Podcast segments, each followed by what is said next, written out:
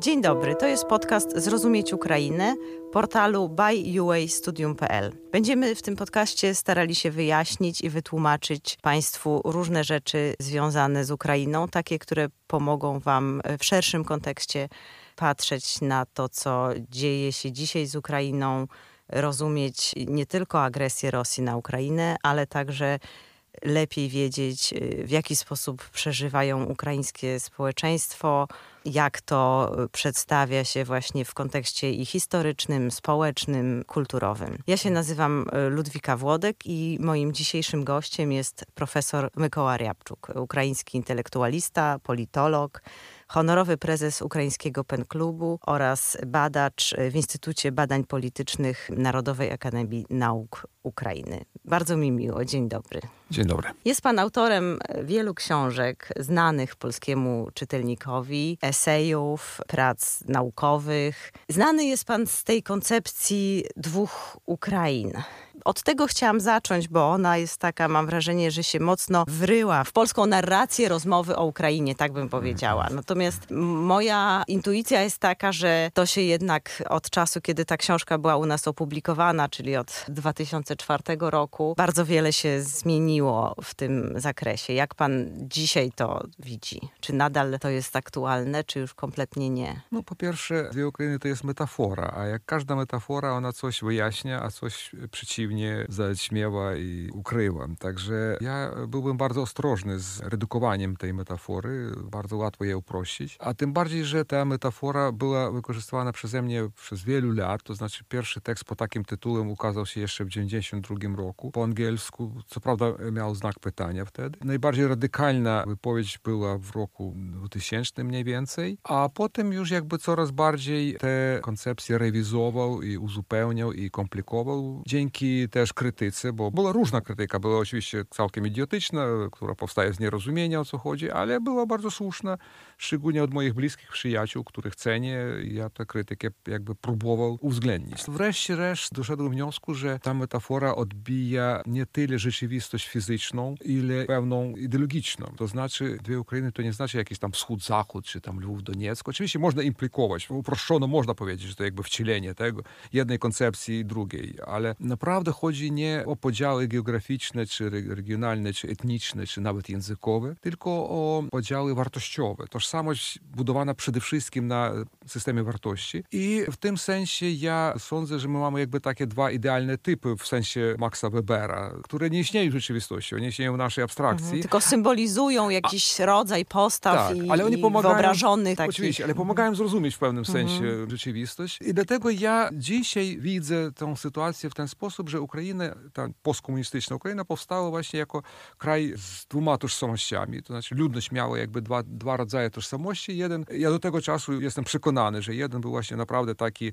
już konsekwentnie proukraiński, prozachodni, który odcinał się od Rosji zasadniczo, od Związku Sowieckiego, całej tej spuścizny, mm. który jakby świadomie czy podświadomie, ale rozumiał, że ta spuścizna była kolonialna w dużym stopniu. I drugi typ, który był ambiwalentny, to znaczy on nie był, on nie był prorosyjski, jak to często przedstawiano, szczególnie na Zachodzie, bo ta metafora jest rozpowszechniona nie tylko w Polsce. Dość często piszą, że tak zwany prorosyjski wschód i nacjonalistyczny zachód. To jest bzdura, kompletna bzdura, bo po prostu dlatego, że nawet nie da się przeciwstawić się te różne zupełnie przymiotniki. Dlaczego? Prorosyjski jest versus nacjonalistyczny. No okej, okay. w każdym razie tutaj najważniejsza rzecz jest, że ten drugi typ weberowski nie jest przeciwnym, nie jest przeciwległością do tego pierwszego, tylko raczej jest jakby wciela tą ambiwalencję, ambiwalencję, która powstaje z nierozumienia i nieprzyjęcia rzeczywistości w dużym stopniu. To jest taki rodzaj świadomości infantylnej, dziecięcej, która chce połączyć rzeczy, które nie łączą się połączyć wartości, które nie łączą się, która chciałaby mieć i integrację euroatlantycką, bo w Ukrainie tak w zasadzie nikt nie, nie występował przeciw Unii Europejskiej. Od samego początku Ukraina jakby no, prześladowała tą drogę integracji zachodniej, nawet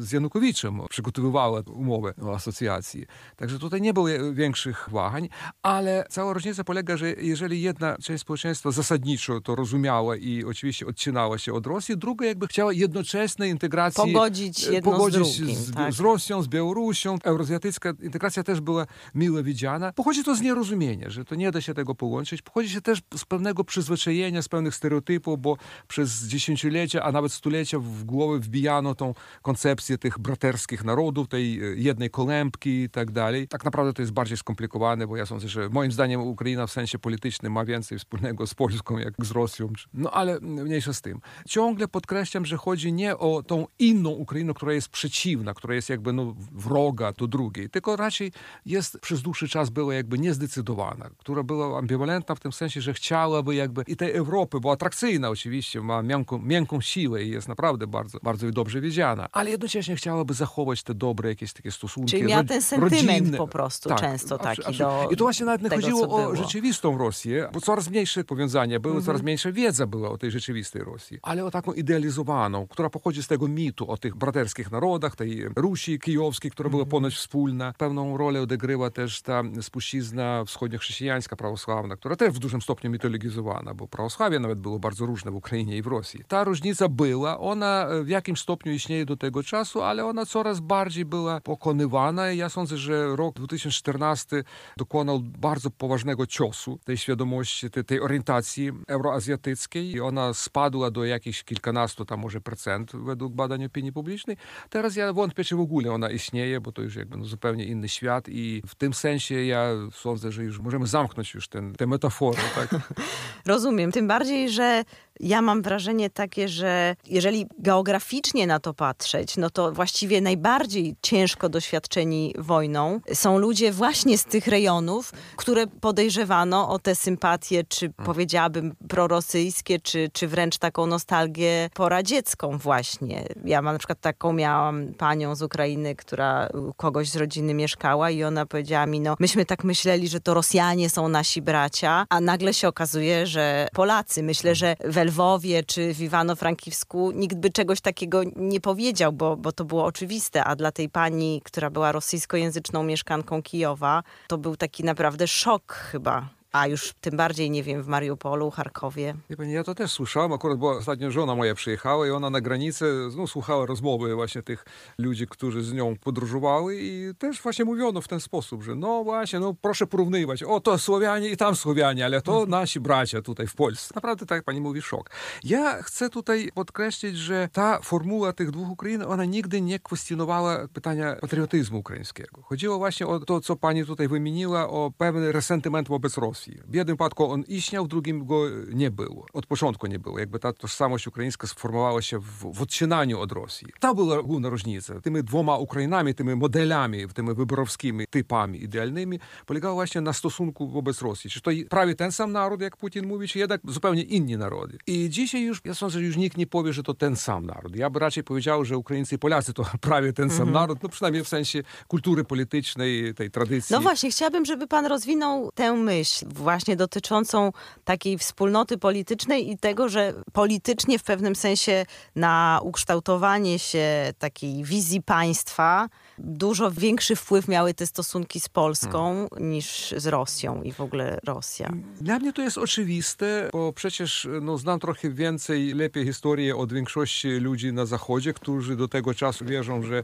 Ukraina, Rosja naprawdę mają jakieś takie tysiącletnie powiązania. To jest kompletny mit, bo Ukraińcy, ja by tak powiedział, do XVII wieku nic w ogóle nie wiedzieli o tej Rosji, no o Moskowii, bo nie było Rosji. Była Moskowia i to było bardzo takie izolowane, dalekie kraj, z którymi kontakty były bardzo ograniczone. Ukraina była częścią Rzeczypospolitej, podobnie jak Białoruś, to był zupełnie inny utwór polityczny, który komunikował z różnymi krajami europejskimi, ale z Moskwą by, były stosunki bardzo takie nikłe, ja powiedziałbym. Moskwa, Moskowia, ona poszerzyła się wcześniej do Pacyfiku, zanim odkryła Ukrainę dla siebie. To też jest taki paradoks, o którym mało kto wspomina. Naprawdę to były tak bardzo różne kraje w sensie, pod, pod wszystkimi względami, kulturalnym, politycznym. To tak różniły się mniej więcej tak, jak dzisiejsza Polska różni się i dzisiejsza Rosja putinowska. To zupełnie różne w sensie politycznym jednostki. I Ukraina była moim zdaniem całkiem taką naturalną, organiczną częścią tej Rzeczypospolitej. Niestety ta wiedza została zakłócona, ja przypuszczam, szczególnie w okresie romantyzmu, kiedy i polscy romantycy, i ukraińscy, i rosyjscy zresztą zresztą budowali ten taki konfrontacyjny wizerunek tych stosunków polsko-ukraińskich. Czy to nie był taki resentyment odrzuconego braterstwa trochę z punktu widzenia tych ukraińskich intelektualistów? No, bo różne przyczyny były. Ja rozumiem, że oni, ze strony ukraińskiej ja tak sobie rozumiem, że to w czasie tego, tego nation building, tak, tworzenia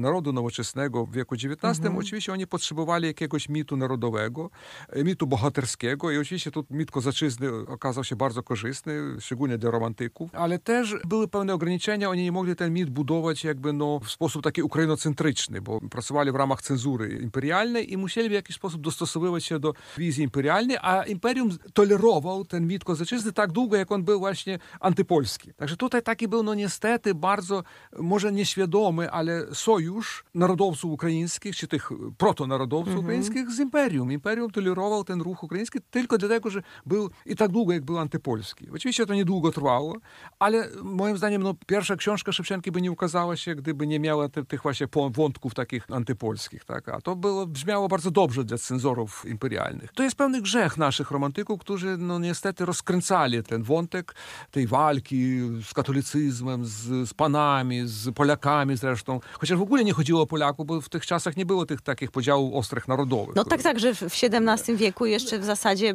trudno mówić o jakichś tożsamościach tak, Ale niestety to ukształciło całą, całą mitologię narodową, nie tylko w Ukrainie zresztą, bo w Polsce też no, mhm. no, Sienkiewicz budował to wszystko, też duch narodowy wspierał w taki sposób waleczny. Tak? To nie było korzystne, no zresztą romantyzm rosyjski sporo, sporo tym się zajmował.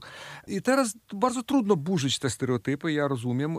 Na szczęście w Ukrainie mamy teraz bardzo dobrą szkołę historyczną, dzięki Natalii Jakowenko i jej uczniom, czy uczennicom, które publikują świetne książki, które naprawdę pokazują, o ile to była jedna cywilizacja. O ile Ukraińcy na, naprawdę, no przynajmniej do XVII wieku, a szczególnie właśnie do, przed Unią Brzeską, mieli ogromne możliwości. Tutaj to znaczy nie były w żaden sposób jakby dyskryminowane i, i tak dalej. Mieli swoje uprawnienia, odgrywali bardzo ważną rolę zresztą w Rzeczypospolitej. Także można mówić, że to była Rzeczpospolita nie tylko dwóch narodów, ale też Ukraińcy tam mieli swój głos i swoje, swoje prawa. To się zmieniło stopniowo z różnych przyczyn, bo ja sądzę, że tutaj bardzo zaszkodziła kontrreformacja, która no jednocześnie... Po prostu Ukraińcy taka... też trafili mm -hmm, te, w, te, mhm. w tę walkę w zasadzie wewnętrzną, tak? bo to katolicyzm i reformacja, a mhm. prawosławni też jakby też okazali się tam pod tym, między tymi dwoma tak siłami. Były różne przyczyny, szkoda o tym mówić, ale ja sądzę, że nie da się wykreślić tych kilku stuleci, które były naprawdę kształciły tę świadomość tych ludzi. Tak? Ukraińcy wyrastali zupełnie w, innym, w innej przestrzeni cywilizacyjnej i ta różnica ona zawsze istniała. Nawet mimo tego, że potem e, przyszło Imperium Rosyjskie, tam była unifikacja, a potem sowieckie, jeszcze, jeszcze mocniejsza unifikacja, ale nigdy te, nie dało się tego pokonać. Cały liberalizm rosyjski, on właśnie wyrastał z terenów ukraińskich. Jeżeli tak spojrzymy na mhm. biogramy mm -hmm. tych największych liberałów rosyjskich, byli albo Ukraińcami, albo pochodzili z, te, z tego terytorium, tej byłej Rzeczypospolitej. Tak samo zresztą i w Związku Sowieckim, tak? To też to jest bardzo paradoksalnie, że jakby te większe reformatory też mieli jakiś stosunek do Ukrainy. Naj, najwięksi rekcjoniści też pochodzili stąd. To też był, był taki paradoks. Ale w każdym razie chodzi o to, że Ukraina nigdy nie, do końca nie pasowała do tego systemu. Zawsze była jakby trochę inna i może dlatego tam represje zawsze były największe i najwięcej dysydentów było w czasach sowieckich, to właśnie w Ukrainie. I nie tylko ilościowo, nie tylko liczebnie, ale procentowo też miało tą największą odsetek. Tutaj moim zdaniem nic, nic dziwnego nie ma, że Ukraińcy zupełnie inaczej zachowują się. Dla Ukraińców nie jest właściwe mieć jakiegoś cara. W ogóle nie ma tego szacunku. Może to nie zawsze jest dobrze, ale nie ma szacunku -hmm. wobec władzy. Władza jest tak, no ona sama po sobie, my sami po sobie i my tolerujemy tę władzę. Tak długo jak ona nas toleruje, my je tolerujemy. Ale jak nie, to obalamy, tak? Już mieliśmy dwie rewolucje. Tak. No niestety nie do końca powiodły się, ale jakby pokazali, że Ukraińcy nie zgadzają się na jakikolwiek przewrót czy powrót autorytarny. I jedna i druga rewolucja w Ukrainie, i pomarańczowa, i Euromajdan były związane nie tam z gospodarką, z jakimiś, to nie był jakiś bunt tam głodny czy coś takiego, tylko to było powstanie średniej klasy, która nie chciała zaakceptować ten powrót do życia autorytarnego, życia właśnie w ramach tej przestrzeni euroazjatyckiej. O to chodziło w jednym wypadku, w drugim. Sedno sprawy polegało na tym, jak dalej będzie rozwijać się Ukraina. No i teraz właśnie, jak widzimy, stawiam czoło, i to bardzo, bardzo tak e, potężnie, tej agresji rosyjskiej, także ja mam wszystkie argumenty, zupełnie inny kraj. Ja mam jeszcze pytanie do tego właśnie podziału, bo wydaje mi się, że to też warto polskim słuchaczom lepiej wyjaśnić, bo w Polsce chyba długo panowało takie przekonanie, że taka prawdziwa ukraińskość to była tylko Galicja, co jest zupełnym takim w pewnym sensie pułapką intelektualną. Ale no, mówił pan o tym XIX-wiecznym ważnym okresie, bo to był okres, kiedy się kształtowała w ogóle cała ideologia narodowa. I chciałam zapytać o kontakty pomiędzy intelektualistami ukraińskimi właśnie po tej galicyjskiej stronie i po tej stronie y, imperialnej rosyjskiej. Jak to wyglądało w ogóle? Jakby pan mógł więcej polskim słuchaczom te, te, o tym Te kontakty powiedzieć. zawsze istniały. Ja sądzę, że to, o czym pani powiedziała, o tym e, takim fałszywym wyobrażeniu tej prawdziwej ukraińskości jako galicyjskiej, oczywiście taka opinia istnieje nie tylko wśród Polaków, ale wielu e, obcokrajowców, ale też i w Ukrainie niektórzy mają taką, mieli taką opinię. Przyczyną do tego była właśnie no, takie nieporozumienie, dlatego że niektórzy ludzie sobie wyobrażają, że jeżeli ktoś tam mówi po rosyjsku, to jest mniejszym Ukraińcą, albo jeżeli ktoś, ktoś nie odcina się tak ostrze od Rosji. Tak? To tak wyglądało. Natomiast niezależnie od tych poglądów, wszyscy byli patriotami. Ta koncepcja tych dwóch Ukrain nie uwzględnia kwestii patriotyzmu, że niezależnie od tego, jak rozmawiają, jak myślą, czy, czy są bardziej przywiązani do tej nostalgii pańsłowiańskiej, czy, czy kompletnie odcięli się, ale wszyscy siebie uważają za Ukraińców i wszyscy mają ten lokalny patriotyzm, który nie był wykorzeniony nawet w czasach sowieckich, bo przecież nie zagłosowaliby na niepodległość. No tak, Ukraina jako jedna 90... przecież to był wynik niesamowity na, na tle innych To znaczy, republik, że ten no. oddolny patriotyzm istniał. I dzisiaj go widzimy. Obserwuję, jak te babci gdzieś tam na południu Ukrainy wyklinają tych okupantów Tak, częstują po, po, pierożkami. po rosyjsku i ty dlaczego, zачем сюда пришел, i co тебе надо, i ubieraj się precz, tak? Nie doceniliśmy te, tego patriotyzmu lokalnego, który jest e, bardzo głęboki, to co nazywa się grassroot. On niekoniecznie artykulowany w jakiś sposób tam racjonalny, on po prostu jest, tak? Ludzie są tutejsi, ale ta tutejszość jest ukraińska tutejszość. Jeżeli chodzi o kontakty, no w pewnym sensie oni były, ja by powiedziałem, wymuszone, dlatego że Imperium Rosyjskie jakby wypychał tych ukraińskich narodowców za granicę, ponieważ były te system, systemowe zakazy, konsekwentne zakazy języka ukraińskiego, edukacji, druku, także musieli szukać sobie jakąś okienko w Imperium Austriackim, Habsburskim, no i imigracja była dość potężna w tą stronę. Cały ten ruch narodowy ukraiński, który powstał na wschodzie, powstał nie w Lwowie, nie w Galicji, tylko powstał w Charkowie. Tam właśnie charkowskie romantycy zaczęli, tam pojawiło się to zainteresowanie kulturą narodową, językiem, tam zaczęli drukować te wszystkie słowniki, zbiory jakichś tam pieśni narodowych i tak dalej. Stąd pochodzi ukrainofilstwo. Ale stopniowo przyniosło się do Galicji, gdzie było wolniej, w jakim stopniu katalizowało tam odrodzenie narodowe, bo ten region był bardzo mały, był bardzo biedny. Tam nie było tego, co było na wschodzie, na, szczególnie w, Charkowie, w tej części Ukrainy, gdzie była kiedyś Hetmańszczyzna. Proszę Państwa, Hetmańszczyzna przetrwała jeszcze 100 lat po integracji do Imperium Rosyjskiego, tak? po przyłączeniu tej wschodniej Ukrainy do Imperium, po Bogdanie Chmielnickim. Ta autonomia, która nazywała się Hetmańszczyzna, ona istniała prawie 100 lat. I to była dość taka szeroka autonomia, przynajmniej na początku. Ona kurczyła się coraz bardziej pod naciskiem imperialnym, ale to była poważna autonomia. Ta Hetmańszczyzna była właśnie kontynuacją Rzeczypospolitej. To znaczy wszystkie te instytucje, które tam działały, były wzorowane, były kontynuacją Rzeczypospolitej. I tam przetrwała jakaś, czy można to określić jako arystokracja, jakaś inteligencja, jakaś klasa szlachecka w tej części Ukrainy. Oczywiście ona była asymilowana, ona była inkorporowana do establishmentu imperialnego. Była zrusyfikowana w dużym stopniu. Ale mimo tego oni jednak mieli tą pamięć rodzinną, pamięć o byłej sławie kozackiej i tak dalej, bo to byli ludzie, którzy pochodzili z tej starszyny, tak, tej kozackiej. Także oni pielęgnowali tą, tą pamięć. Nawet jeżeli byli, a większość była lojalnymi, poddanymi cara, ale jednak miała ten sentyment taki ukraiński, bardzo ukraiński. Miała tą inność, pielęgnowała tą inność. Ta młodzież, która wywodziła się z tych rodzin, ona tworzyła ten ruch narodowy na początku XIX wieku. Dlatego właśnie w ramach tego Uniwersytetu Charkowskiego powstały te ruchy e, odrodzeniowe. To ludzie były nieprzypadkowe, to ludzie, którzy wywodziły się z tej kozackiej szlachty, z tej kozackiej arystokracji, że tak powiem. Czego nie było w Galicji? Bo w Galicji naprawdę by, byli chłopi i popi i trudno w tym środowisku cokolwiek budować, tak? Także musiał być ten taki napływ z Ukrainy Naddnieprzanskiej, bo on jakby zapalił tych entuzjastów w Galicji, pokazał, że jest jednak ten ruch narodowy, że jest tak to duży kraj, duży naród i ma jakąś kulturę. Ja nie wiem, czy zdarzyłoby się to bez Ukrainy Naddnieprzanskiej. Może tak, może nie. Jest bardzo dobre badanie na ten temat Johna Paula Himki, taki historyk kanadyjski, który twierdził, że w Galicji właśnie ta grupa rusińska, czyli ukraińska tak, dzisiaj, mogła rozwijać się w różnych kierunkach. Tak? Artykuł tak nawet nazywa się Lot i Karowski w różnych kierunkach. Znaczy mogła zostać asymilowana w kulturę polską, mogła zostać... Znaczy Lot i Karowski, czyli w pewnym sensie, że była skazana na No, niepowodzenie, tak? W jakimś sensie tak. No przynajmniej mogła nie zrealizować tego projektu, który zrealizowała potem dzięki wsparciu ze wschodu. Mogła zostać spolonizowana, mogła zostać oczywiście zrusyfikowana, bo akceptowała te idee moskwofilskie eksportowane mm -hmm. przez St. Petersburg.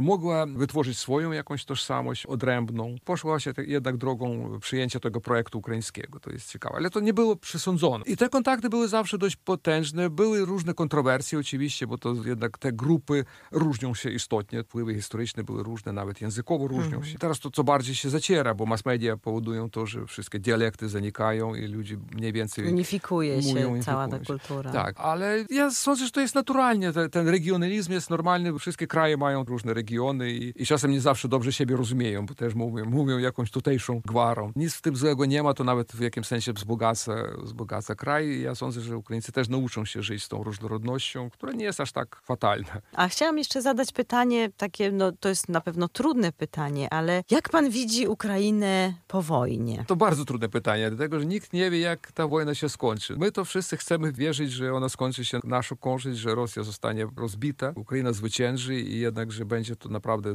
nowy kraj i będzie nowa Europa i w ogóle nowy ustrój światowy. To taki idealny wizerunek, bo to byłoby naprawdę najlepiej dla wszystkich, mhm. bo unikatowa szansa dla całego świata, jakby no, skończyć z tym imperium zła, który naprawdę e, gnije i zakaże całe środowisko dookoła siebie. Ja naprawdę nie widzę jakiejś możliwości reformowania tego kraju, no, tego reżimu. Jest fatalny, tak by powiedziałem. I on będzie taki, nawet jeżeli dojdzie do jakiegoś tam zawieszenia broni, bo może dojść, to jednak to nie rozwiązuje całego problemu. Ja nie wierzę, że ten kraj kiedykolwiek zatrzyma się. Te elity rosyjskie mają taką psychologię i oni w taki sposób opracowali Czyli nie uważa ludność. pan, że to jest kwestia jednego Putina, nie, nie, zmiany... Ja, ja mówię, że oni w taki sposób opracowali cały naród, że, że to jest absolutnie chore społeczeństwo. Mm -hmm. Chore, które potrzebuje leczenia mniej więcej tak jak Niemcy po hitlerowskim. Mm -hmm. To jest podobna choroba. Zresztą nawet sama obsesja na pytaniu ukraińskim, na tej kwestii ukraińskiej jest bardzo podobna do kwestii żydowskiej, kiedy -hmm. musi być rozwiązanie ostateczne. Albo, albo. Albo Ukraińcy muszą być, zostać asymilowani. Oczywiście u Hitlera nie było tej opcji asymilacji. Ukraińcy mają pewny przywileusz. Mogą być asymilowani, zostać Rosjanami, jeżeli akceptują to. Jeżeli nie akceptują, e, według Putina są antyrosją. On to głosi,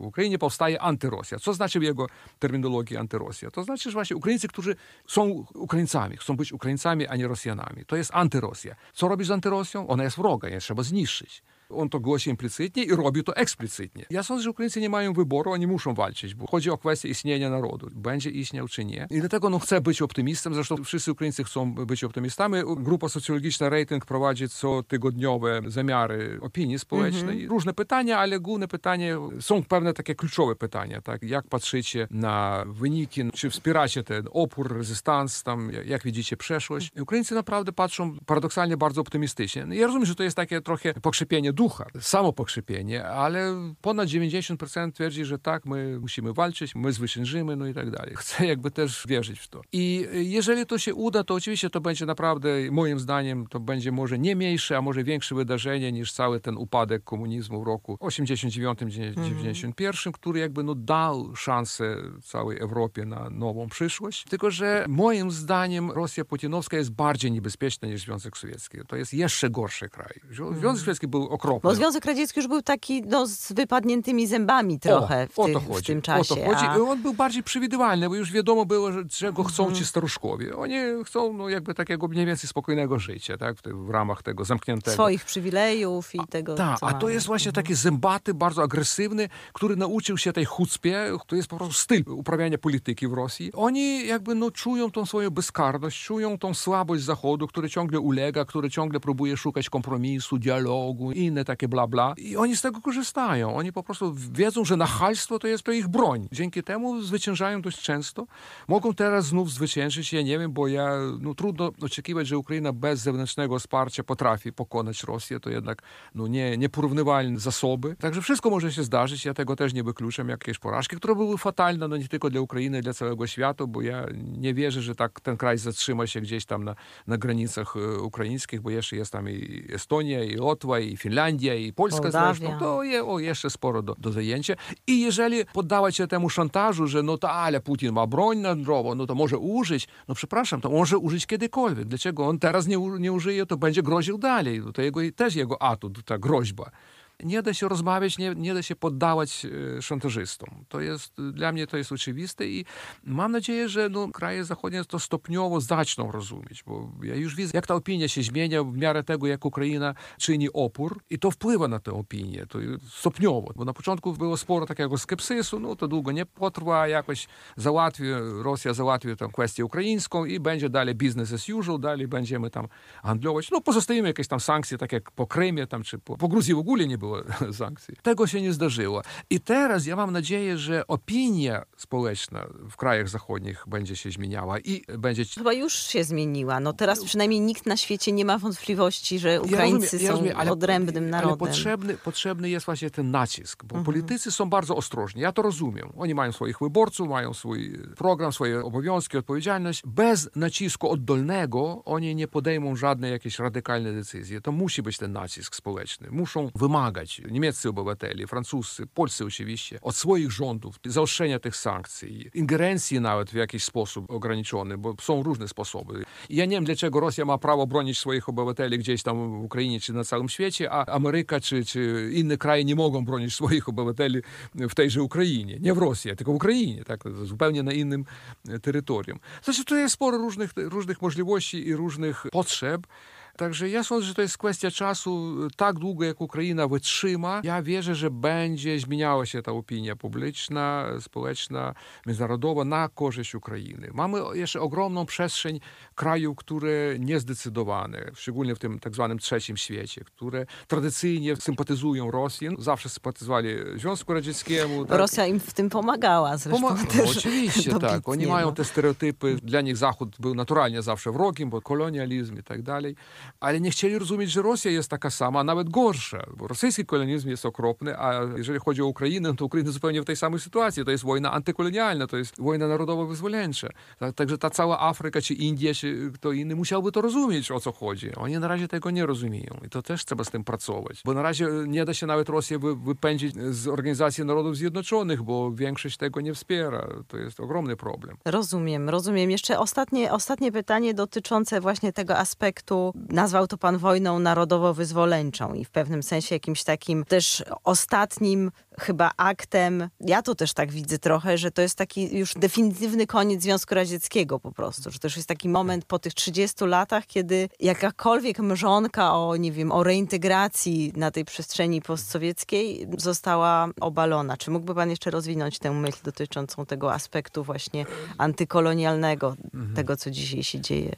Ukraina uzyskała niepodległość w taki względnie łatwy sposób, po prostu dlatego, że rozpadł się Związek Sowiecki. Imperium był wtedy tak słaby, tak rozbity w sensie i gospodarczym, i politycznym, i zdemoralizowany, że on nie potrafił jakby od razu się odbudować. Co więcej, na początku mieli iluzję, że jednak e, to takie czasowe zawieszenie tego sojuszu, że będzie odbudowane w jakiejś nowej formie i właśnie no, względem Jelcyna właśnie ten sojusz tych niepodległych państw, ta wspólnota niepodległych państw e, nowo stworzona ona miała zastąpić Związek Sowiecki i stopniowo jakby odbudowywać te funkcje Związku Sowieckiego, czyli co, coraz więcej jakichś wspólnych instytucji e, było przewidziano tam. Tego się nie stało. W 1991 roku ja by powiedziałem, że ta walka narodowo-wyzwoleńcza, e, ta rewolucja antykolonialna była po prostu odłożona. Ona nie była skończona. Ona po prostu była odterminowana, bo imperium nie był dość silnym, by jakby e, utrzymać te republiki, szczególnie Ukrainę. A Ukraina nie miała jeszcze też dość energii i przekonania, że trzeba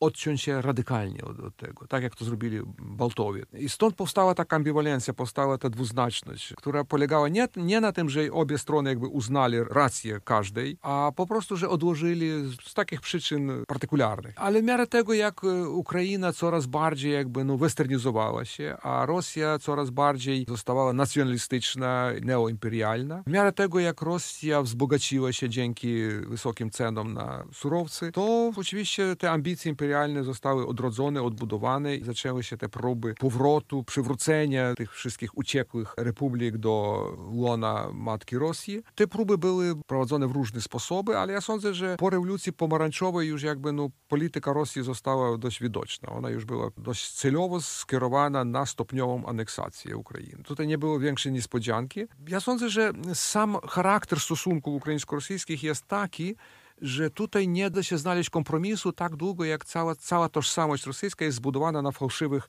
przesłankach. Tak długo jak tak jest, to te dwa narody są niekompatybilne po prostu, dlatego że rosyjska świadomość, tożsamość imperialna jest zbudowana po pierwsze na micie e, tej e, Rusi Kijowskiej, czyli na zawłaszczeniu kilkaset lat, która naprawdę nie była rosyjską, zawłaszczeniu terytorium, to też jest bardzo ważne, zawłaszczeniu terytorium tej całej tej Rusi Kijowskiej, a szczególnie byłej tej Rzeczypospolitej, zawłaszczeniu tożsamości ukraińskiej, których w ramach tego mitu Ukraińców nie ma. Nie ma Białorusinów, nie ma Ukraińców, są tylko jakieś rodzaje narodu rosyjskiego. Czyli nie ma miejsca dla Ukraińców w tej, w tej tożsamości rosyjskiej. I tylko ta tożsamość jest jakby no chora, bo ona do tego czasu odczuwa siebie niekompletną, niedokończoną. Coś im brak. Brak im czego? Ukrainy brak. Brak sedna. Bo właśnie, bo to jest jakby ta kolębka historyczna, to jest mityczna ta kolębka. To ich męczy, to ich dręczy. Oni, oni ciągle próbują w jakiś sposób odbudować tą tożsamość. To nie chodzi o odbudowanie im, tylko imperium, tylko tam zajęcie jakiegoś terytorium. Chodzi o odbudowanie tej chorej tożsamości, której, której brak, której boli te, że nie ma tej, nie jest ona pełną, uzupełnioną. To będzie trwało tak długo, jak, jak ta tożsamość nie jest zmieniona, nie, nie jest rewizowana kompletnie, nie transformowana od imperialnej do narodowej, bo nie ma narodowej mhm. tożsamości rosyjskiej, jest tylko imperialna. Tak długo właśnie nie będzie miejsca dla Ukraińców na tym świecie obok, obok Rosji. Ciągle ona będzie obiektem agresji. To jest jakby no, dla, dla mnie jest oczywiste i y, ta kwestia ukraińska będzie rozwiązywana na dwa różne sposoby. Albo próba asymilacji, albo niszczenia. Teraz widzimy, jak to, jak to robią, jak niszczą Ukrainę i widzimy też, jak próbują deportować ludzi z Ukrainy. Mamy już liczne wypadki, kiedy zabierają no tak, e, dzieci.